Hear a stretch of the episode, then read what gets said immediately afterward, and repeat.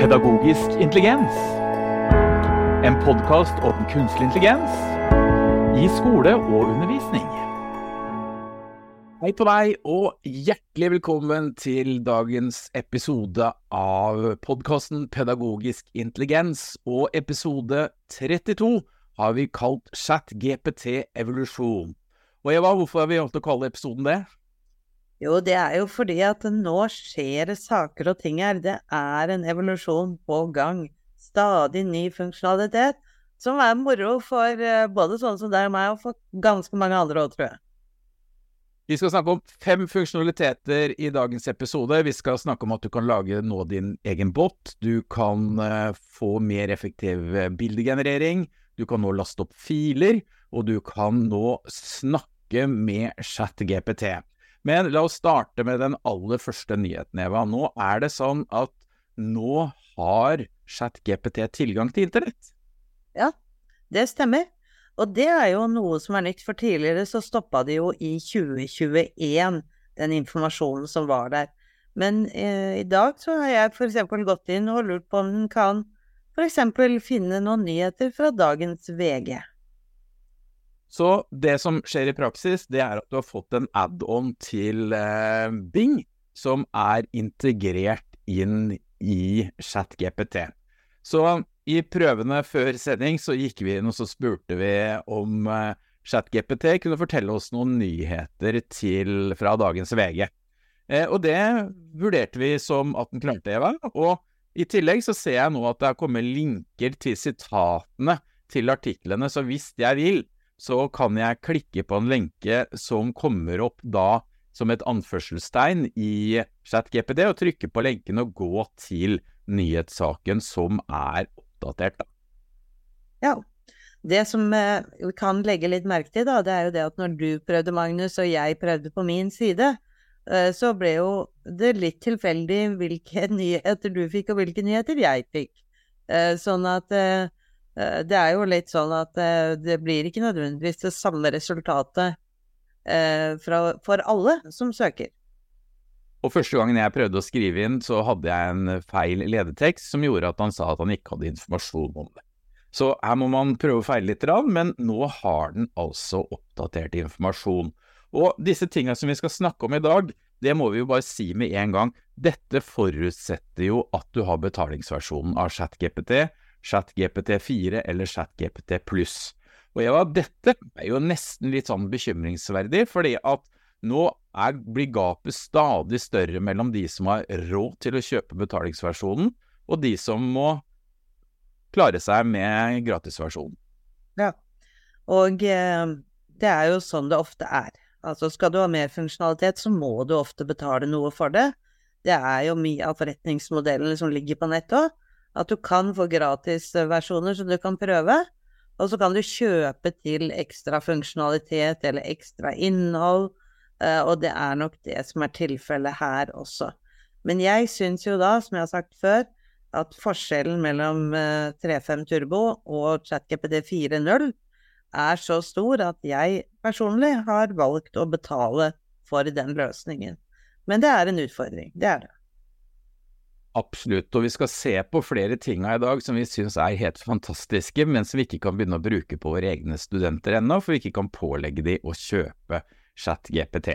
Men til alle dere podkastlytterne der ute, jeg tror tidspunktet har kommet nå til at det er veldig fornuftig å faktisk kjøpe den tjenesten. Du får mye mer spennende funksjonalitet, og du får bedre svar hvis du investerer. Er det 20 dollar det er nå for å abonnere per måned, Eva? Ja, det er noe sånt noe som jeg betaler, i hvert fall. Og eh, som sagt, her er det såpass mye gull å hente. Men det krever fortsatt at du blir god til å skrive ledetekster. Hvis du stiller enkle spørsmål eh, som du bare skal ha svar på, da kan du gjøre et enkelt søk på nett. Da er det ikke dette her du trenger. Men skal du bruke det litt mer effektivt og lære deg å skrive gode ledetekster, så tenker jeg at dette her er til stor nytte for mange. Så til neste nyhetssak. Nå kan du laste opp filer. At vi har fått en liten binders til venstre i ledetekstvinduet i ChatGPT4, så vi har fått en binders der vi kan trykke på og velge å laste opp en fil. Hva kan vi bruke det til, Eva? Og det kan du bruke til så mange ting. Og når du sier filer her, så har jeg prøvd litt ulike formater, og det ser ut til at det går bra. Om det er PDF, eller om det er dokument, osv. Eh, du kan f.eks. laste opp en eh, PDF og be om et sammendrag, eller å få skrevet ut hovedpunktene. Eh, du kan bruke den til, og det skal vi jo se på i botten, til å være kilden for spørringene. Så det gir oss mulighet til å ta tak i innhold som vi har tilgjengelig på en fil. Hvilke filformater har du prøvd deg på? Nei, jeg har prøvd PDF, og jeg har prøvd uh, Doc og Docs eh, til nå. Eh, så noe lenger enn det har jeg ikke kommet, men det har i alle fall fungert overraskende bra, får jeg nesten si. For det som skjer, vi laster opp en PDF. Eh, I dette eksempelet her så tar jeg utgangspunkt av en PDF av en modul Eva og jeg har laga som heter Digital studieteknikk. Eh, og hva kan vi gjøre nå da, Eva, når vi har lasta opp denne PDF-en? Eh, har du noe forslag? Ja, du kan for f.eks. be om en kort oppsummering av hva denne PDF-en handler om.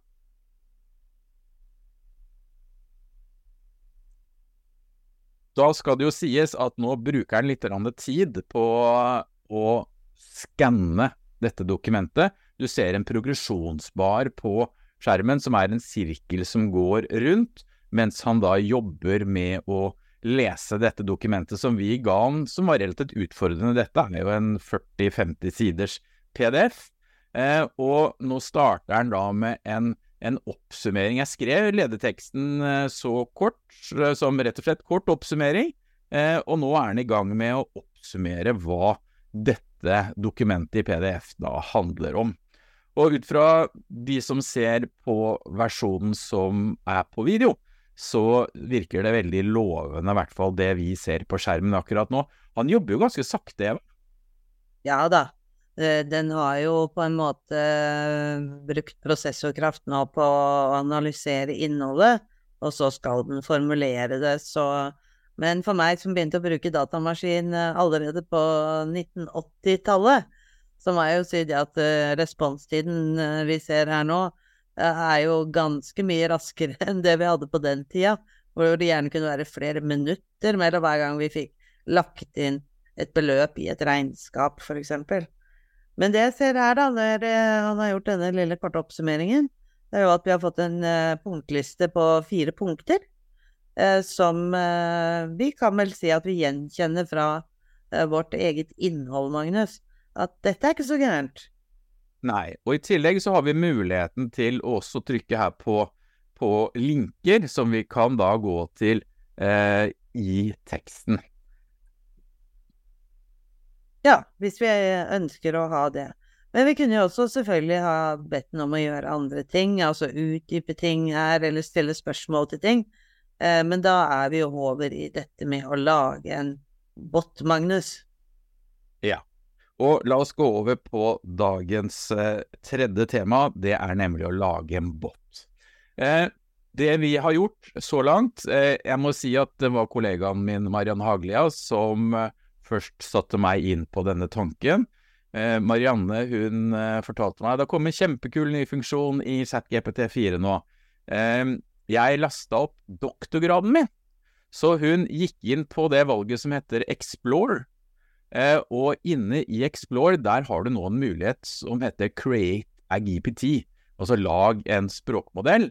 Og da lasta hun opp doktorgraden sin, og så begynte hun å snakke med doktorgraden sin. Eh, det neste hun gjorde, det var at hun gikk inn og lastet opp generell del av Kunnskapsløftet. Og så kunne vi snakke med fagfornyelsen eh, som vi ville. Dette ga meg litt vann på mølla, så det jeg gjorde, det er at i studiet vårt som heter Pedagogisk bruk av IKT, der har Eva og laget en modul som heter Digital studieteknikk. Eh, og i det studiet så har vi en digitalisert PDF av modulens pensum. Så det jeg rett og slett gjorde, jeg gikk inn og så trykka jeg på lage en ny chat-GPT. Så har man mulighet til å konfigurere den og skrive inn en del detaljer. Og det jeg gjorde, det var at jeg gikk inn, og så ga jeg den et navn som jeg kalte den modul 2 digital studieteknikk. Eh, og så fikk jeg muligheten da til å laste opp PDF-en, og nå har vi muligheten til å snakke med pensum. Og det gir veldig mye spennende muligheter, tenker jeg, Eva. Ja, altså det er jo en annen måte å tilnærme seg et læringsstoff på. Eh, men likevel så må det jo sies til at det, du kan på en måte ikke starte helt blank, tenker jeg. Nå er det jo greit for oss som vet hva denne modulen inneholder, og kan begynne å stille noen spørsmål. Eh, men som sagt, litt forhåndskunnskap, eh, det må man ha. Men da kan du jo begynne, istedenfor å lese teksten, da begynne med å stille spørsmål eller be om forklaringer, be om å få det som kulepunkter, få eksempler, kanskje, eh, på ting eh, som kan hjelpe deg i læringsarbeidet. Og så uten tvil dette her med the testing effect. Eh, altså, du skal tilegne deg et pensum, og så kan du jo rett og slett gå inn og be ChatGPT stille deg spørsmål fra pensum. Eh, eller rett og slett diskutere pensum med å snakke med ChatGPT om pensumet. Ja. Og så her tar det litt tid fra du stiller spørsmålet, så genereringa tar som vanlig litt lang tid, og så ser du hele tiden sånn progresjonsbar at han på en måte leser gjennom hele pensumet der on the fly i forhold til å gjøre det. Eva, du har også prøvd deg litt på å generere botter. Ja. Uh, denne botten din eh, lasta vi opp en fil som på en måte var kildegrunnlaget som den skulle ta utgangspunkt i. Jeg har lagd en bot med et skript bak, som jeg har kalt for Maya i dette tilfellet her, altså My Artificial Intelligence Assistant. Eh, og eh, her eh, har jeg på en måte lagd en slags liten løype den skal gjennom, eh, som går ut på at den skal henvende seg til elever og eh, hjelpe dem med å svare på spørsmål, forklare med eksempler og analogier, eh, og prøve å avdekke hva eleven faktisk kan. Så den spør først da hva er det du heter for noe, eh, og eh, hva slags skoletrinn er du på. Og eh, nå er det jo klart det at eh, eh den er, passer nok kanskje best nede i grunnskolen, og ikke så veldig mye høyskole i utgangspunktet. Men her eh, er det jo da at du kan skrive inn hva er det du lurer på, rett og slett. og så kommer man i gang med en samtale. Eh, og du velger jo her å spørre den om vurdering for læring, som et høyskolefag. Og den da første han gjør, er jo da å spørre deg om hva vet du eh, allerede eh, rundt dette her, at man kan da få tilpasset eh, forklaringene ut fra kunnskapsnivået som brukeren har. Og nå setter jo du opp at uh, vurdering er viktig for læring. Og eh, Maja sier det at det er et godt utgangspunkt. Hvis det er, hvis det er alt du vet om vurdering, eh, så er det i hvert fall et godt utgangspunkt. Den er jo veldig positiv, det har jeg bedt den om å være. Eh, jeg ønsker at man skal føle mestring og komme videre. Og nå begynner jo den da å forklare videre litt mer om formative vurderinger og, og dette med egenvurdering og peer review og tilbakemeldinger og lurer på om det er noe mer du ønsker å få utdypet. Så her kan du på en måte ha en samtale rundt et tema eh, som du selv har valgt. Jeg ble jo superengasjert. Jeg så jo en kjempemulighet med en gang her i forhold til eh, nettstudiene våre. Som vi starter typ på et av våre nettstudier, så starter vi jo med eh, læringsmål og eh, introduksjon til modulene. Jeg tror eh, vi ofte har det, og så har vi ofte en introduksjonsvideo til kurset. Jeg ser jo for meg at i fremtiden så ønsker jo vi ha en, en embedda chatbot som studenten kan få lov til å snakke med pensumet, enten før den starter, underveis eller på slutten av gjennomgangen av pensumet, som i våre nettkurs er basert på moduler. Men Eva, vi fant jo ut her at uh, det ble en utfordring. Uh, dette så vi jo for at vi skulle lage med en gang, men uh, i hvert fall foreløpig så er ikke dette tilgjengelig for alle. Nei, og det er jo fortsatt fordi at skal du i gang Altså, det er ganske enkelt å lage disse bottene, og det er ganske enkelt å dele bottene. Eh, og vi kunne jo ha embedda det på en side her, men problemet er at det er avhengig av at den som skal bruke det, også har ChatGPT 4.0 eller ChatGPT pluss eh, for å kunne ta det i bruk. Eh, så inntil eh, det er en annen løsning som gjør at alle kan bruke det, og der syns jeg det er litt misvisende i, når du lager disse bottene også, for det står liksom sånn at du kan lage den public, men den er jo i prinsippet ikke det. Den er public for ChatGPT 4.0-brukere, og ikke for andre. Neste punktet vi skal gå inn gjennom, Eva, det er at det nå går an å få litt hjelp av ChatGPT til å generere bilder. Det vet vel de fleste, men du oppdaga noe kult i uka som gikk? Ja, fordi at jeg har jo brukt eh, Leonardo veldig mye til å generere bilder. Eh, men noen ganger så blir bildene ikke helt som jeg har tenkt.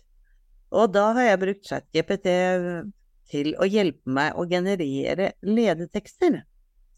Og da får jeg litt jeg holdt på å si, mer detaljerte ledetekster, som jeg da har brukt og limt inn i generatoren til Leonardo AI. men plutselig her en dag når jeg ba den om å lage en ledetekst for meg, så lagde den plutselig både ledeteksten som jeg hadde forventa jeg hadde bedt om, men den lagde faktisk også et bilde.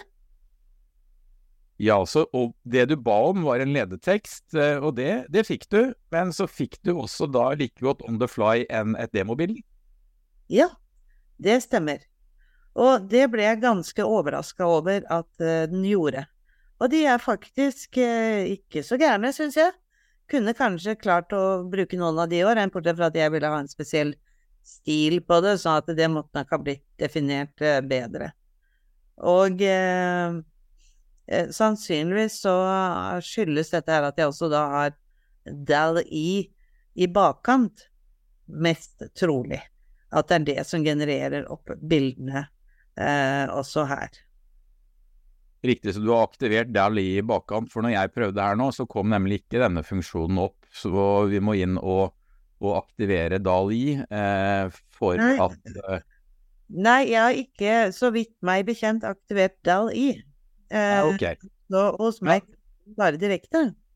Når, han, når, når, jeg genererte dette, så, så, kom ikke bildet opp automatisk, men han spurte meg om, han, om jeg ville generere et bilde da i Dali. Men jeg har jo sett at du har brukt det, hvor denne funksjonen kom opp automatisk. Men jeg fikk da i hvert fall et spørsmål på skjermen hos meg om, om jeg ville ha et bilde fra Dali som viste denne ledeteksten eh, lagd, da. Ja, så det er nok kanskje litt sånn forskjellig fra gang til gang, tenker jeg. Men hos meg så ble jeg i hvert fall veldig overraska over at bildet kom opp med en gang etterpå. Men nå ser du her, når du sa det at uh, takka ja til at den skulle lage et forslag, uh, så har den også lagd uh, bildet ditt. Etter den beskrivelsen som du har gitt. Så veldig nytt og ble veldig uvant med en gang. Så enten å tenke at man da kan bruke ChatGPT til å hjelpe deg å lage ledetekster for å generere AI-bilder, eller å få ChatGPT faktisk til å lage bildene for deg, sannsynligvis gjennom å bruke DALI, som da også ligger som et valg her. Det siste vi skal snakke om i dagens episode, Eva, det er uh, dyslektikeren Magnus som har funnet fram til. Eh, og jeg irriterer meg jo over at når jeg er i ChatGPT, så er jo min vanlige praksis at jeg eh, snakker inn beskjeder med stemmestyrt skriving, og jeg bruker talesyntese til å få teksten lest opp. Så hvis jeg går i Bard nå til dags, så har jeg jo det tilgjengelig. Jeg kan gå inn i Bard, trykke på en mikrofon, snakke inn beskjeden, og få Bard til å lese opp dette her. Problemet mitt er jo bare at Bard sine svar er betraktelig mye dårligere enn hva jeg får ut av ChatGPT. Så jeg irriterer meg litt på at det ikke finnes en sånn mikrofon i ledetekstruta, og en mulighet til å få lest opp teksten på skjermen. Jeg har selvfølgelig støtteverktøy i PC-en min der jeg kan merke en tekst og få det opplest av et tredjepartsverktøy, men det er jeg ikke ute etter, og det, jeg vil ikke ha nødvendigvis det i arbeidsflyten min. Men så oppdaget jeg jo en fantastisk funksjon, og det er når jeg går inn på ChatGPT på mobiltelefonen min. Logger inn med 4.0-kontoen min, og da har jeg fått en funksjonalitet helt nede i høyre hjørne, som jeg trykker på et sett med hodetelefoner, og da kan jeg snakke med ChatGPT. Da bruker jeg stemmen min til å snakke inn eh, ledeteksten, eh, hvorpå eh, ChatGPT svarer da med Mr. Nelson, en veldig sånn amerikansk stemme som eh, snakker norsk, men du hører den amerikanske dialekten. Ja, men jeg syns jo likevel det er veldig interessant, da. Og jeg hadde en lang samtale på den måten her forrige dagen, og det som jeg syns er bra, det er jo at når jeg har hatt denne samtalen, så kan jeg fortsatt gå inn på PC-en min etterpå, og da er alt transkribert.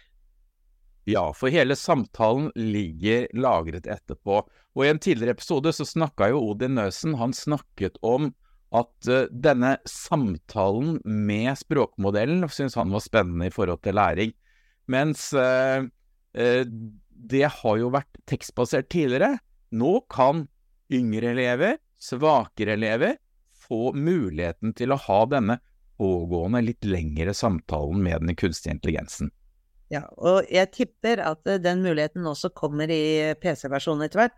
Men at den har kommet først i appen, er kanskje ikke så rart, for det å sitte og skrive lange ledetekster med mobiltastaturet, eh, det er slitsomt. Så det å kunne lese da inn istedenfor, mye enklere. Så det siste du skal få i dagens episode, det er en demonstrasjon av en samtale mellom meg og ChatGPT-appen på min mobiltelefon. Og da går vi over til et skjermopptak gjort fra min telefon. Takk for i dag til dere som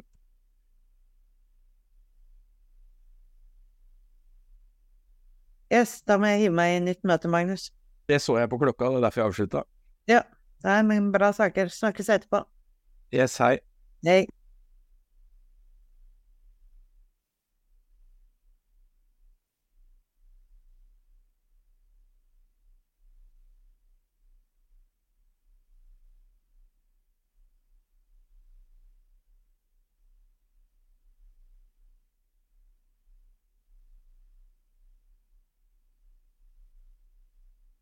Da har jeg åpnet uh, ChatGPT-appen på min telefon, og nede i høyre hjørne, der er det bilde av et sett med høretelefoner.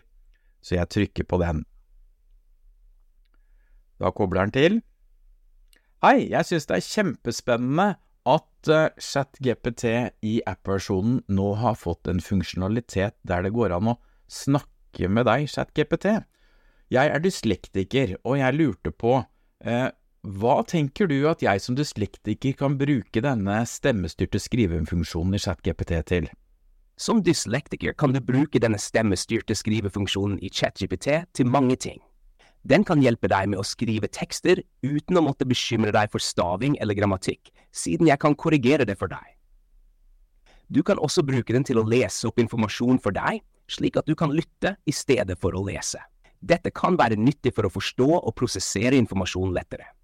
Videre kan den hjelpe deg med å organisere tanker eller ideer ved å snakke dem inn, og jeg kan strukturere dem i en klar og forståelig form. Har du spesifikke oppgaver eller behov der du tror denne funksjonen kan være til hjelp? Jeg tenker jo at uh, vi kan ha en læringssamtale. Uh, la oss for eksempel snakke litt om uh, vurdering. Eh, hvorfor tror du vi, vurdering er viktig i skolen? Vurdering i skolen er viktig av flere grunner. For det første gir den lærerne en forståelse elevene forstår stoffet. Dette hjelper lærerne med å tilpasse undervisningen for å møte elevenes behov. For det gir vurdering elevene tilbakemelding på deres egne prestasjoner og fremgang, noe som kan motivere og veilede dem i deres læringsprosess.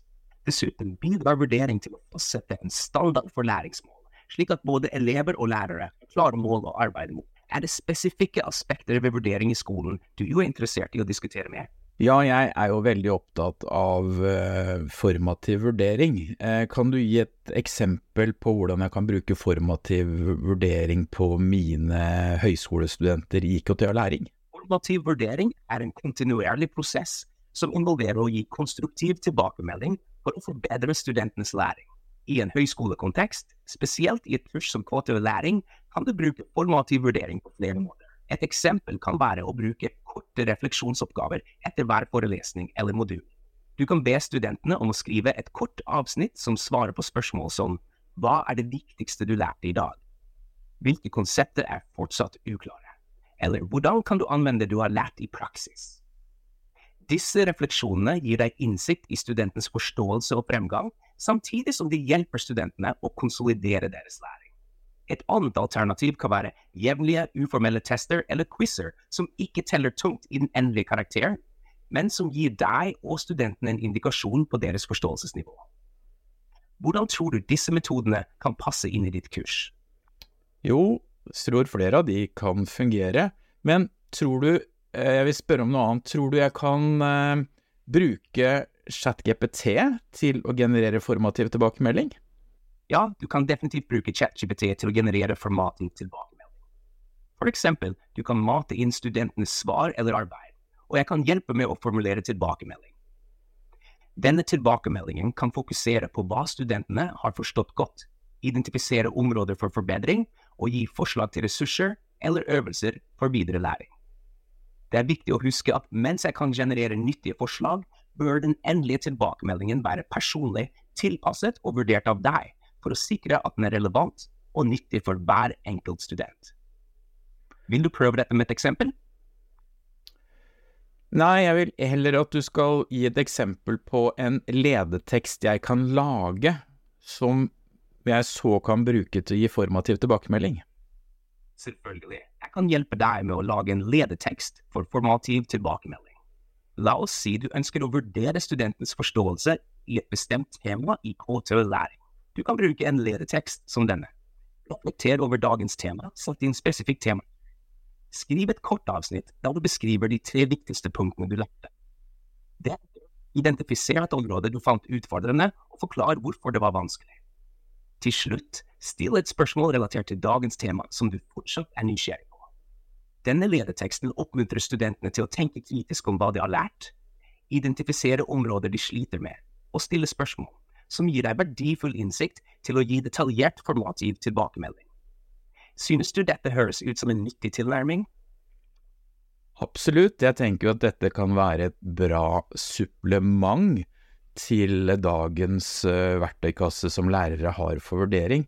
Men er det ikke en fare for at uh, lærere i en hverdag som er uh, tidskritisk, altså lite tid, at de ender opp med å sende eh, svarene, de formative tilbakemeldingene fra ChatGPT rett videre til studentene uten å kvalitetssikre de?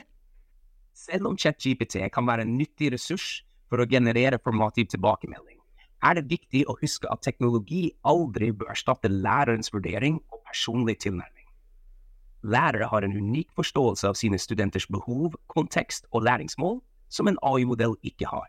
Det er avgjørende at lærere leser gjennom og tilpasser AI-generert tilbakemelding for å sikre at den er relevant, nøyaktig og hjelpsom for hver enkelt student. Dette krever litt ekstra tid, men det sikrer kvaliteten på tilbakemeldingen og opprettholder den viktige personlige forbindelsen mellom lærer og student. I en tidskritisk hverdag kan man ta feil. Teksten er kvalitet og omtanke i tilbakemeldinger uvurderlig. Har du tanker om hvordan du kan balansere tidsbruk og kvalitet i tilbakemeldingsprosessen? Ja, jeg tenker jo at eh, du kan generere et forslag som jeg modererer og sender videre til studenten. Det høres ut som en god og balansert tilnærming. Du kan bruke ChatGPT til å generere et utkast til formativ tilbakemelding, og deretter bruke din fagkunnskap og forståelse av studentene til å moderere og tilpasse denne tilbakemeldingen før du sender den videre. På denne måten kan du spare tid på den innledende formuleringen samtidig som du sikrer at tilbakemeldingen er personlig og relevant for hver enkelt student. Dette kan være spesielt nyttig i større klasser eller når du har begrenset tid, da det hjelper deg med å håndtere arbeidsmengden, samtidig som du opprettholder kvaliteten på undervisningen. Spesifikke scenarioer eller oppgaver du ønsker å prøve ut, kan vi gjerne gå gjennom et eksempel sammen. Jeg legger merke til at du holder samtalen vår gående, og jeg skulle veldig gjerne snakka mer med deg, men for nå så sier jeg takk for samtalen, det var spennende. Det var hyggelig å snakke med altså. Jeg er glad for at du fant samtalen vår spennende. Hvis du noen gang ønsker å fortsette samtalen, eller har andre spørsmål, er du alltid velkommen tilbake. Ha en flott dag videre. Det samme til deg. Da er jeg ferdig med samtalen, og vi kan se her at uh, det, du ser hele samtalen som jeg har hatt med ChatGPT, bare hva jeg sier og hva ChatGPT sier. Begge deler er skrevet ned. Og med det så sier vi takk for oss i dagens episode, som vi kalte ChatGPT evolusjon.